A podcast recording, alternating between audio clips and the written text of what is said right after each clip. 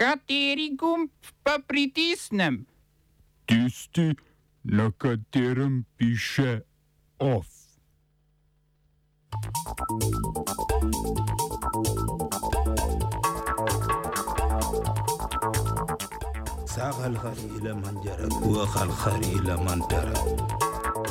Kitajska komunistična partija praznuje sto let. Sudanci na ulice proti neoliberalnim ukrepom začasne vlade. Ameriški finančni regulatori oglobili tržno platformo Robinhood. Turško vrhovno upravno sodišče potrdilo odstop od Carigrajske konvencije. Vladni klicni centri za informacije o COVID-19 ne delujejo več.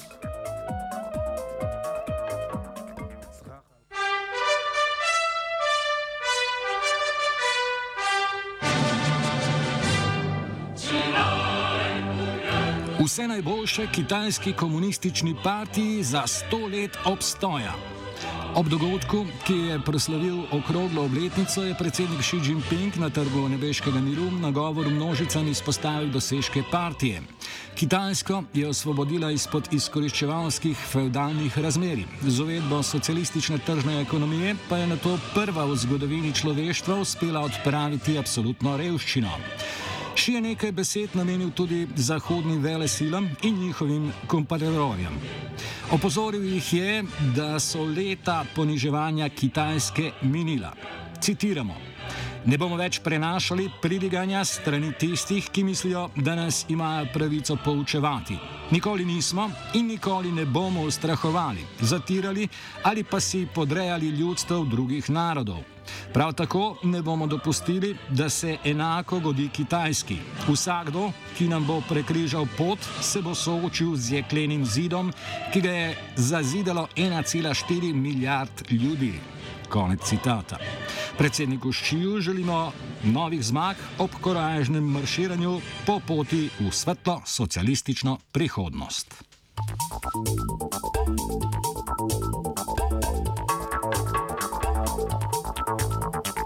ساق الخري إلى من جرب وخ الخري إلى من ترك Na ceste v sudanski prestolnici Khartoum se je včeraj podalo na tisoče protestnikov proti nedavnim ekonomskim reformam pod taktirko začasne vlade Abdela Hamdoka in mednarodnega denarnega sklada. Včeraj sprejeti ukrepi so sudanski zunanji dolg znižali za 2,5 milijarde evrov, a je mednarodni denarni sklad na kupčijo pristal šele takrat, ko je sudanska vlada odstranila subvencije za goriva in razvrednotila menjalno vrednost vrednost svoje valute. Cilj reform je, je v prihodnjih letih znižati sudanski zunani dolg za približno 50 milijard evrov. Abdallah Hamdok, ki se je na premijski stolček povzpel pred približno dvema letoma, ko je končal s 30 let trajajočo vojaško diktaturo generala Omarja al-Bashirja, je sicer pohvalil potrpežljivost in ustrajnost danskega ljudstva ter najavil nadaljevanje, nadaljevanje oziroma nadaljne zbliževanje z Zahodom. Država pesti huda inflacija, pomankanje osnovnih dobrin in storitev ter prehranska negotovost. Lindon.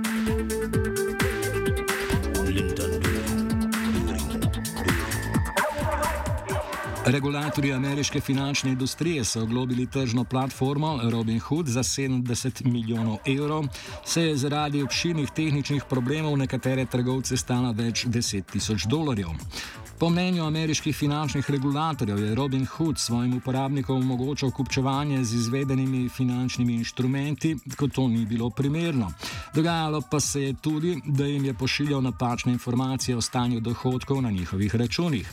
Nekemu uporabniku lansko leto, denimo, je platforma izpisala, da si je s trgovanjem pridelala izgubo v višini 70, pardon, 700 tisoč evrov, zato je storil samomor, čeprav je na računu dejansko posedoval 16 tisoč evrov.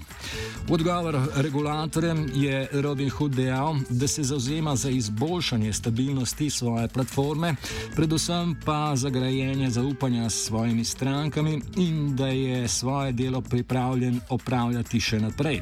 Robin Robinhood je na začetku leta pritegnil veliko pozornosti in tudi jeze uporabnikov, se je bil glavna platforma za trgovanje z delnicami podjetja GameStop in drugimi mem delnicami, na to pa je v vrhuncu špekulativnega balona suspendiral trgovanje.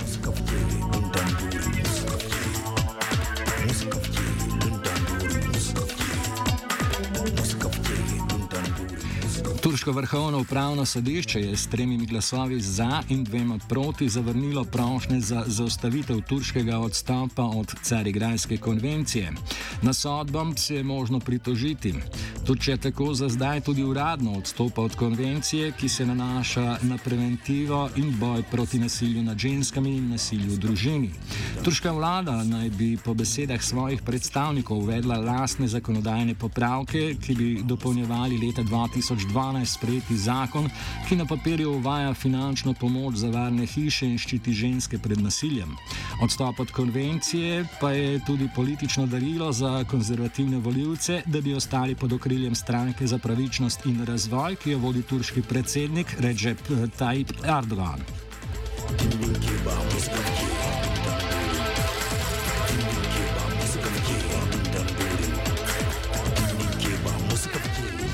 je bila pred približno enim tednom švedski sredinsko-levičarski vladi pod predsednikom socialdemokratske stranke Stefanom Lovenom izglasovana nezaupnica, je iz še vedno trajajočih pogajanj o oblikovanju nove koalicije izstopila, izstopil prvak švedske desnice Ulf Kristensen. Kristensen je v sredo naznanil paket reform, ki bi bil usmerjen v prenovo in razvoj podeželja, a ga pri tem ni podprla stranka Center. Tako bo predsednik parlamenta Andreas Norlen mandat za sestavo vlade ponovno ponudil Löfenu, a izključena niso niti predčasne volitve. Slednji si stranke ne želijo, saj bi lahko še povečalo število sedežev, ki jih v parlamentu premore populistična desničarska stranka Švedski demokrati. Ta zaradi zaveze preostalih strank ne sodeluje v, vlade, v vladah, a tudi onemogoča sestavo večinske vlade zaradi števila poslanskih sedežev. Ovo ću, bom odgovoril na angliški. Slovenija will try to help. We can Slovenija will and we will do our utmost To say that the situation is our problem ourselves. and uh, We will make further steps as soon as the conditions are bomo vlado Marjana Cererja, Mira, Marjana Cererja Šarca podprli. uh, very, very serious. we know how and we will. Thank you. Slovenija z današnjim dnem prevzema svoje drugo predsedovanje svetu Evropske unije, zato država danes gosti predsednico Evropske komisije Ursulo von der Leyen ter ekipo evropskih komisarjev. Predsednica je na Brdu pri Kranju napovedala potrditev slovenskega načrta za okrevanje. Komisar za pravosodje Didier Reinders je napovedal, da se bo srečal s pravosodnim ministrom Marjanjem, Marjanom Dikavčičem in se pogovoril o postopku imenovanja evropskih toživcev. Podpredsednica komisije pristojna za vrednote in preglednost Vera Jourova pa je napovedala, da bo govora tudi o razmerah na področju svobode medijev v Sloveniji.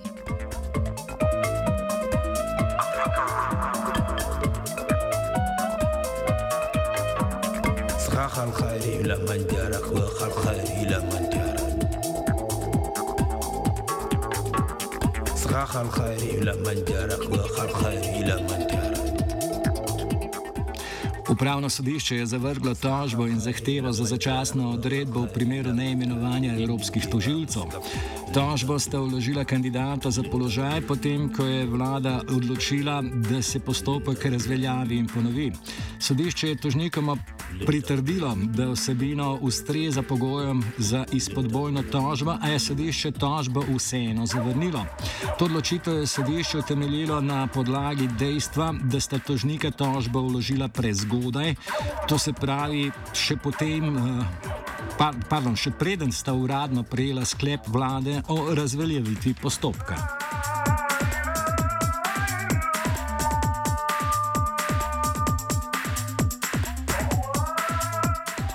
Slovenska demokratska stranka je izgubila tožbo proti sociologu in sazujevcu Rudiju Rizmanu, ki je, ki je očital, da se financira iz tujih, bolj specifično mačarskih verov. SDS je v tožbi zatrjevala, da je s tem očrnil njeno javno podobo, Rizman pa se je branil, da je izkoristil svojo pravico do svobodnega izražanja. Okrajno sodišče v Kamniku je določilo, da je dopustno skritiziranje delovanja neke stranke temeljna pravica vseh državljanov in državljank demokratičnih družb in da Rizmanova izjava zato ni sporna. SDS mora tako Rizmanu povrniti 2000 evrov pravdnih stroškov.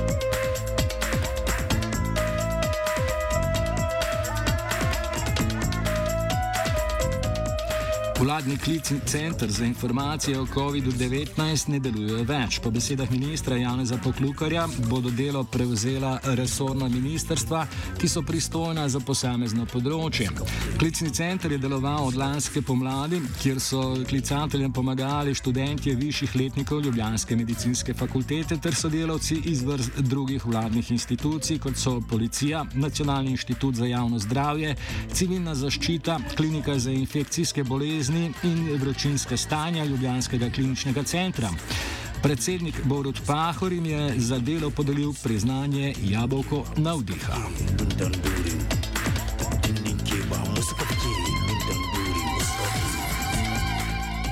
Osta spisala Matej in Dominik.